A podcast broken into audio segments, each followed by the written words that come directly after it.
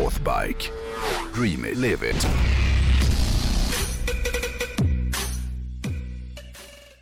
Ja, men så här inför jul, då kan man ju inte låta bli och, och ibland reflektera lite över ja, men den här fullständigt vansinniga konsumtionen som vi svenskar ägnar oss åt. Ja. För att liksom vi försöker kompensera för alla de psykologiska tillkortakommanden som vi går runt och bär på ju. Ja. Det är lätt att man kommer att tänka på det gamla amerikanska citatet We buy things we don't need with money we don't have to impress people we don't like. Alltså Ja. vi köper saker som vi inte behöver för pengar vi inte har då för att imponera på människor vi inte gillar. Och lite så är det ju faktiskt idag eh, när alla jävlar också tack vare sociala media eh, har liksom en digital scen där de då oblygt kan liksom basunera ut sin, sitt självberöm på något sätt. Ja, det ska bli vidrigt att se alla Insta-inlägg på vad folk har köpt Ja, eller hur? Men det som är så konstigt med det här beteendet är ju att vi samtidigt som vi vill skryta om hur lyckade vi är genom att visa upp alla våra fina saker som vi har köpt. Samtidigt då också vill få folk att tro att vi är miljömedvetna och fulla av liksom mindfulness inför frågan om liksom konsumtionens baksida på något sätt. Ja. Men jag känner att jag, jag ska inte dyka ner i det här rabbit holet för då, liksom, jag kan inte ägna den här podden åt att liksom redogöra för mitt hat över folks patetiska försök att, att bli intressanta på sociala medier. För då, Det då kommer det bli bättre- ett mörkt och svavelosande avsnitt. Det är bättre att du ägnar dig åt någon form av självförakt. Nej, men nu är det jul! Nu ska vi vara glada och givmilda snälla! Därför tänkte jag istället, för att spy galla över svenskarnas eh, sociala medievanor, snacka om en grej som får den vanliga svennebanan-konsumtionen att framstå som ganska harmlös. Okej. För idag tänkte jag nämligen att vi skulle ta och titta närmare på några av världens dyraste motorcyklar. Är det julklappstips det här? Att det här eh, hojar man ska köpa om man känner att det, det bara skriker eh, ur plånboken? Absolut inte. Jag tänker snarare så här att det kan vara lite skönt att känna att de pengar som vi lägger på, på julklappar det är liksom ingenting som man behöver ha dåligt samvete över när man får höra vilka summor som en del människor lägger på, på specifika hojar. Ah, spännande. Ja, så att jag tänker börja beta av de här en efter en då. Ah, hur många är det? Eh, Tio tänkte jag ta. Åh, jävlar, de, de, gott. Ja, de tio mest dyra. Och på plats nummer tio Ja. så har vi ju då Suzuki AEM Carbon Fiber Hayabusa. Ah. Den vill de ha 1,8 miljoner kronor för. Att det är ändå... Det, det är ändå Det är ganska mycket pengar för en hoj. Nej, men när Hayabusan kom 99 då var ju det världens snabbaste serietillverkade hoj och man var ju chockad när man fick höra att den gjorde över 300 knyck. Ja. Det är konstigt hur fort man vänjer sig för även om man själv inte vågar köra i de hastigheterna så tycker jag att ja, men 300 knyck det låter ju inte lika snabbt längre.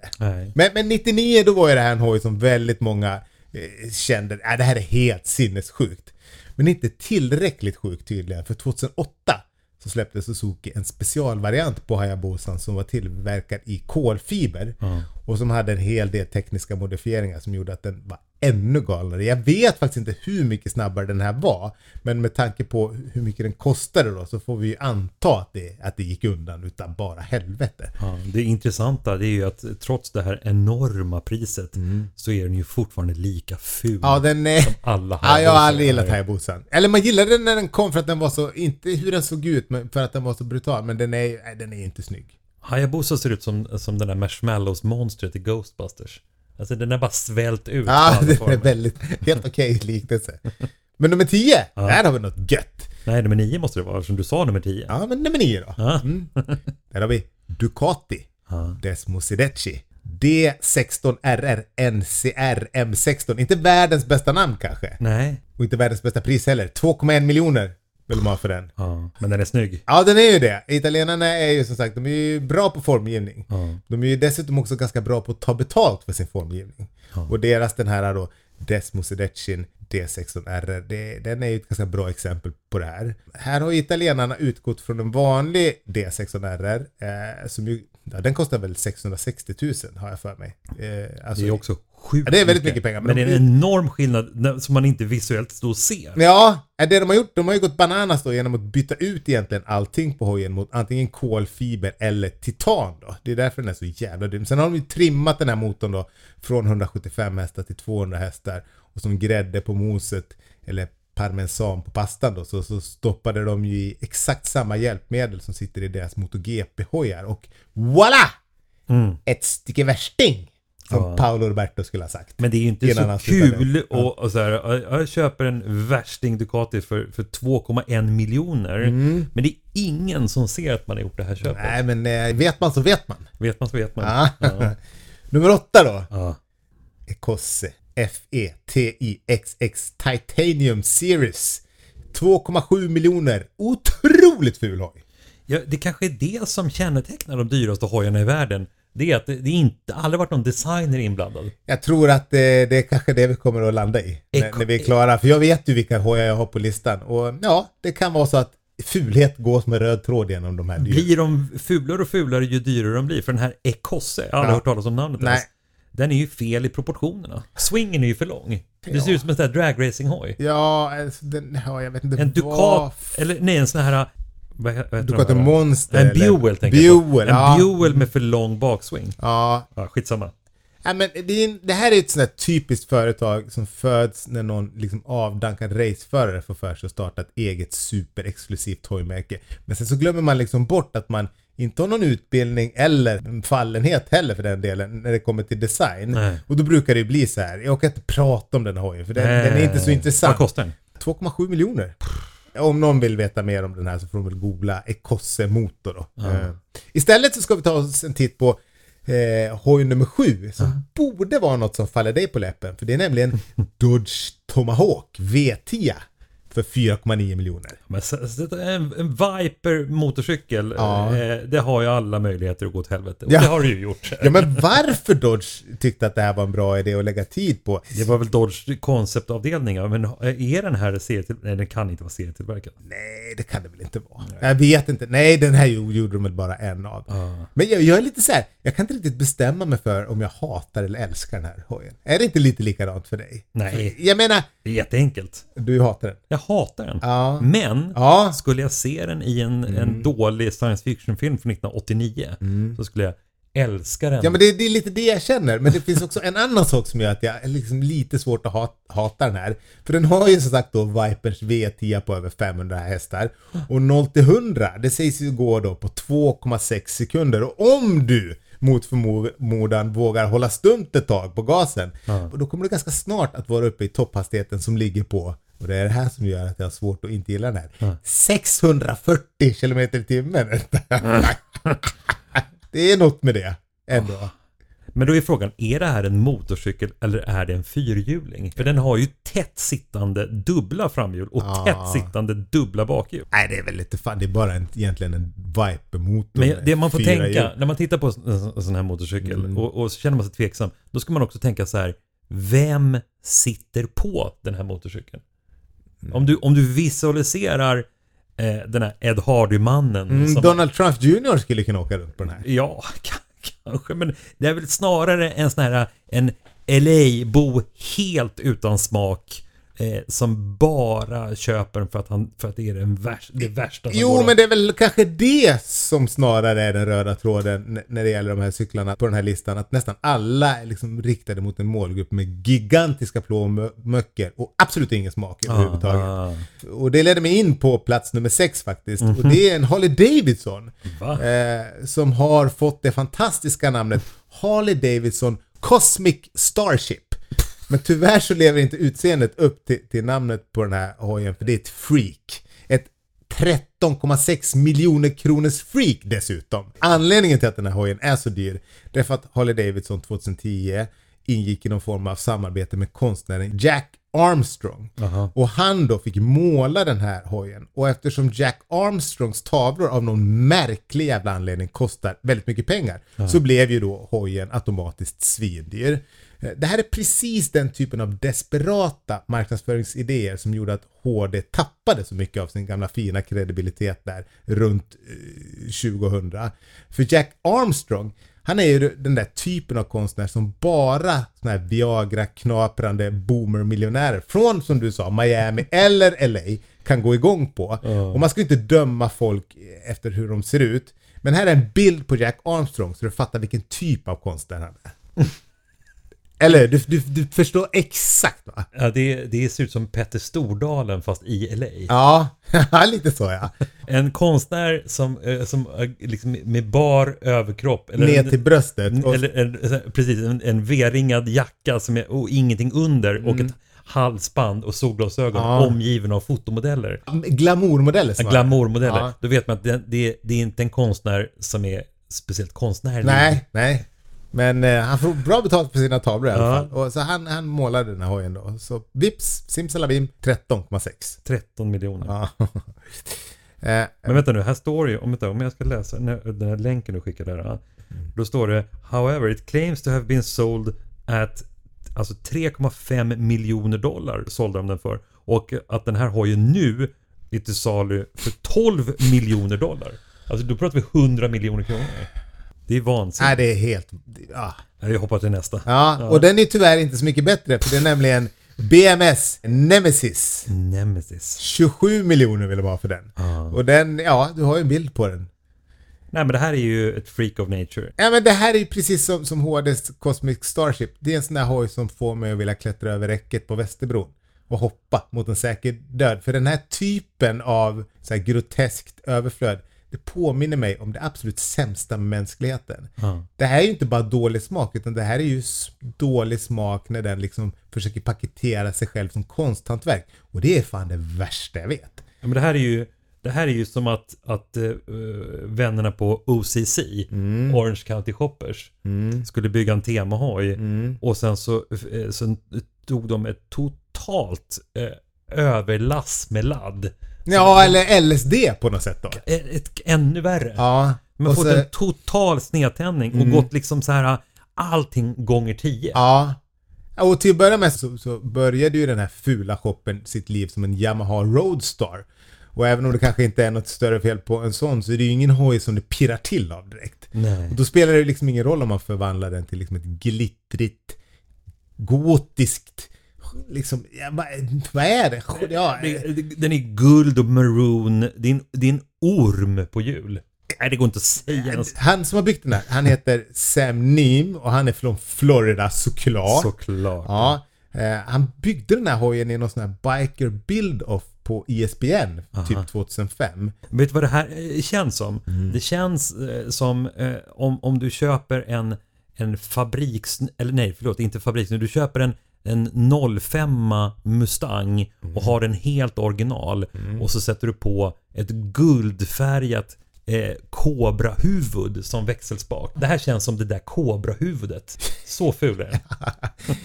Ja, men inte ens när man doppar det här missfostret i 24 karats guld som man har gjort så blir det något som känns...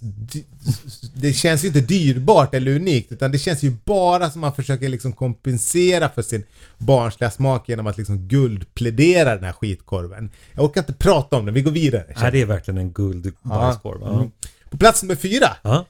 Här har vi en eh, Hildebrand, en Wolfmiller från 1894 som kostar 32 miljoner kronor. Och anledningen till att den är så dyr är förstås att det här är då världens första serietillverkade motorcykel som Heinrich en Wilhelm Hildebrandt byggde tillsammans med Alois Wolfmiller i München då i slutet på 1800-talet. Det här är ju... Eh, Alltså jag kan ju förstå kostnaden Mm. därför att det är en, en, en... Den är 124 år gammal. Mm. Det gör ju att man kan gilla den. Ja, det är svårt att inte gilla den. Nej. Utifrån att Den det är på något sätt är ful. urmorden för alla produktionshojar. Ja, Men det ser ju ut som en pinstripad damcykel med för litet bakhjul. Ja, man skulle säga så här. Det är en pinstripad damcykel med för litet Ja. bakhjul. Ja, ja För 35 miljoner. Ja. Eller vad du sa? 32. 32 miljoner. Men, man, men som sagt, man, man kan ändå gilla den på något sätt. Ja. Vi hoppar framåt i tiden, en sån här 105... Eller pressa skiten. Jag vill inte säga. Nej!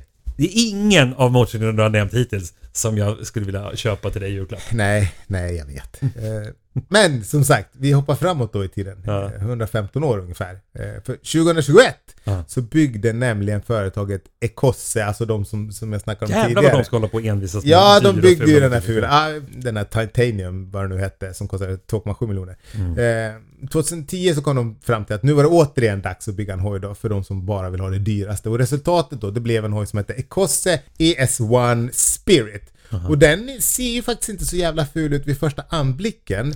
Eh, alltså den ser ut som en galen sporthoj på något sätt. Nej, vet du vad det ser ut som? Ja. Det ser ut som när du går in i ett köpcentrum och så har du en sån här karusell för barn. Ja, just där du har leksaks, Mm. en leksaksmotorcykel, en leksakshelikopter och en Ja, leksaks, som åker lite runt. som åker runt. Ja. Det ser ut som en, en, en, man bara dragit upp en sån här plastig leksaksmotorcykel i Ja, det som är lite speciellt med den också att de har ju kåpor som täcker, du ser ju ingen motor. Ja, Utan det är det jag menar, att ja. den, ser ut som en låtsasmotorcykel. Ja. Ja. Jag vet också att när de skulle provköra den här hojen, då anställde de en tävlingsförare, det vill säga ett fullblodsproffs. Eh, Men trots det då så tog det två veckor av träning att bara lära sig att köra den här hojen innan de kunde börja testa den på riktigt då. För den är väldigt annorlunda om man jämför med en vanlig hoj. Till att börja med så, så har den ju ingen ram eller, eller chassi och ingen traditionell sving heller. Utan den här hojen är ju byggd genom att man har liksom en jävla massa olika superkomplexa lösningar kring styrningen och dämpningen som jag inte orkar gå in på nu. Utan jag nöjer mig med att berätta att den kostar då 32,6 miljoner och det byggdes faktiskt hela 10 eller 11, jag kommer inte ihåg vilket, stycken av den här. Men det är också en sån jävla genuint dålig idé. Ja, Att så ja. här, nu ska vi bygga en motorcykel utan ram. Vi bygger på ett helt nytt sätt. Ja, Så vi gör den fulare och, och sämre så att ingen ens kan köra den för att den är så svårkörd. Och så säljer den jättedyrt. ja 30, 32. Bra, du får mig på gott humör Ja. i det här segmentet. Plats nummer två då. Ja. Eh, där har vi en E90 AJS Porcupine från 1949. Och vad är då... Porcupine ett gulligt namn. Ja, det är lite gulligt. Och vad är det då med den här hojen som är så speciellt? Förutom att den då kostar 63 miljoner kronor. Jävlar. Ja, till att börja med så är det ju så att det är brittiska AJS, det var ju ett företag som... Kommer du ihåg att jag hade en AJS? Den, den hojen som jag... Gammal ful shopper som var också fel i proportionerna. Ja, den som där! vi som- byggde ja, och sen så satte vi den i skyltfönstret på den där butiken vi byggde på Stämmer. Götgatan. Stämmer. Det var en AJS. Ja. Älskar AJS-loggan. Ja. Den här är den hojen hittills som, som i de här prisklasserna som är helt vansinniga. Som är, är minst, som jag hatar Ja men minst. den här är ju härlig. Mm. Den, är, den är kanske inte 63 miljoner kronor härlig, men den är ju jävligt härlig. Ja. Och anledningen till att den kostar så mycket, det är ju som sagt, yes, de har en ganska brokig, de har en turbulent ekonomisk historia. Ja. Och, och, jag vet lite för lite om det här företaget för att gå in på det, då måste jag läsa på lite först. Men jag vet att de tillverkade exklusiva och väldigt bra tävlingshojar i slutet på 40-talet. Och bland annat då så byggde de den här E90 Porcupine, eh, som de byggde fyra stycken av. Och det var en sjuhelvetes bra hoj, för 1949 så tog faktiskt Les Graham den här hojen och gick och vann VM med. Och idag så ska ju då den här rariteten därför vara värd 63 miljoner för att den är så unik på många sätt. Ja, jag gillar den. Mm. Och det här leder oss fram till den dyraste hojen som finns och tyvärr har den väldigt lite gemensamt med tvåan i frågan om stil och form för att det här är ytterligare ett exempel på avancerad design i kombination med ultramodern ingenjörskonst som bara blir fel. Världens dyraste hoj heter Neiman Marcus Limited Edition Fighter och den kostar, vill du göra det på en gissning? Stark. Nej, jag- 100 miljoner. Eller den är värderad till 11 miljoner dollar för, för inte så länge sedan. Och rent utseendemässigt så ser den ju ut som någon framtidsversion av steampunk-stilen på något sätt i hojutförande. Skulle man väl kunna beskriva den som kanske. Vet du vad den ser ut som? Nej. Eh, vilket man också tänker att istället för att hålla på och göra en sån här dyr motorcykel så skulle de istället ha gjort eh, det jag ska säga nu. Den ser ut som en sån här eh, dyr avancerad stormgaständare. Du vet en sån här som är, nu ska jag tända eh, en, en cigg eller en brasa. Och så har jag köpt en jättedyr onödig sån här gaständare. Ja, ja, ja. Eller något som såg ut lite som en klocka ju. Innan mätet på en klocka lite. Tycker jag. Klock, klocka! Ja. Men hur jag vänder och vrider på det här, så jag har lite svårt att fatta att den kan vara så dyr som den är. Många designexperter har ju dessutom dubbat den här hojen till en av, om kanske inte den bästa designen av dem alla när det kommer till hojar. Men det här knyter lite an till det jag snackade om i början av podden. För det här är ju en hoj som i min värld är ett perfekt exempel på varför jag ibland spyr på tidsåldern vi lever i nu. För Neiman Marcus, det är ju ett superlyxigt amerikanskt varuhus. Det är liksom som NK på Chuck skulle man kunna säga. Ja. Det är såhär superlyx, lyx, lyx bara. Ja, så jag vill ha, idag vill jag köpa en tiger. Ja, kan exakt. Då, går, då, då, då går man till Neiman Marcus. Och, och när de då får för sig att designa och bygga en hoj, Eh, så kommer den automatiskt att hyllas av den ja-sägande allmänheten som inte kan någonting om motorcykeldesign och som egentligen inte heller bryr sig om motorcyklar vanligtvis. Men idag så räcker det ju med att ett företag eller en person som förknippas med lyx och exklusivitet gör något halvdant så kommer hopen av liksom social media zombies automatiskt att lajka och gilla den och anledningen till att de gör det, det är för att de tänker att lite av den här lyxen och stilen som Nyman Marcus står för ska liksom gnugga av sig på dig då. Vilket såklart är helt fel. Ja, det gör det ju Det inte. får ju bara dig att framstå som en idiot. Får jag dra en liten liknelse? Ja. Om man tänker sig att, att det, liksom, en herrkostym Mm. har sett i, i sin skärning ungefär likadan ut i, liksom i flera hundra år. Ja, Och ser man en snygg motorcykel så är den som en, som en gammal klassisk kostym. Ja. Den blir liksom Mm. tidlöst snygg. Men sen finns det ett gäng motorcyklar som likt kostymmakare kan ge sig på något sånt där coutureplagg. Typ att nu ska jag göra en, en herrkostym i eh, genomskinlig PVC med extra stora Jag axelvaddar. menar Stordalen eh, kavaj. Ja, men det... vet, vet, vet, vet, vet, du, kommer du ihåg klädbutiken Günthers? Ja, De gjorde ju sådana kostymer. ja. Såna här crazy kostymer med dragkedjor och stjärnor på. ja. Och det blir aldrig snyggt. Nej. Eh, Det kan vara ett, ett eh, skrik på uppmärksamhet, ja. Men det kommer aldrig bli som en, en snyggt sittande en, herrkostym. Aldrig någonsin. Nej. Nej, jag tänker så här. Om du är karl nog, eller kvinna nog, att ha egna åsikter som inte är baserade på vad andra idioter tycker så vill jag bara påminna om att i Umeå Ja. och i Sundsvall där finns det ett företag som har massa olika märken och produkter som garanterat kommer att göra att du kan hitta en hoj som, som kommer få dig att känna dig mycket gladare än om du skulle tvingas åka runt på någon av de, alla de här svindyra misslyckandena som jag har räknat upp Alla idag. missfoster. Undantaget kolfiber Desmos Deserechin, för den Ja. är ju otroligt ball. Men innan vi slutar Ja. så skulle jag bara snabbt också vilja säga att jag... Slutar. Det är långt kvar. Jo, men just det här äh, dealen med hojen förra Ja, segmentet men ja. Jag älskar våra lyssnare. Eh, för jag har ju fått så jävla mycket Fjäsk. pepp. Nej men jag har ju fått massa pepp Fjäsk. från våra lyssnare angående, förra veckan pratade jag om att jag ville köra Gotland Grand National och folk har ju varit otroligt gulliga kring det här. En lyssnare som heter Peter Rönnmark han kom ju med ett väldigt generöst erbjudande till exempel. Han skrev att, att jag fick komma ut till Norrtälje och träna på hans svärsfars enduroslinga och Peter själv skulle ju köra Gotland nästa, nästa år.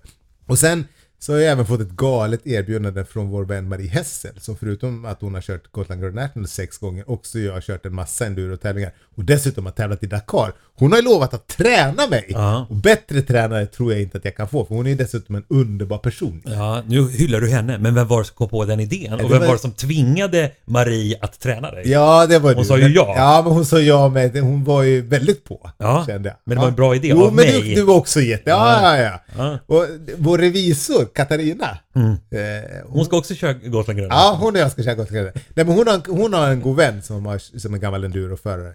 Och han, han, han skrev att jag, jag kommer lätt att klara tre varv på Gotland och han tyckte att jag absolut skulle köra den. Så att jag känner mig väldigt pepp nu. Så att efter nyår så kommer jag bestämma mig för vad som händer nästa. nästa. Vadå bestämmer? Jag har bestämt att du ska köra Gotland Grand National. Det kommer bli askul. Ja, du kommer se. inte klara tre varv, men det ska bli så jävla kul. Jag har sällan längtat efter någonting så här mycket. Vi får se. Eh,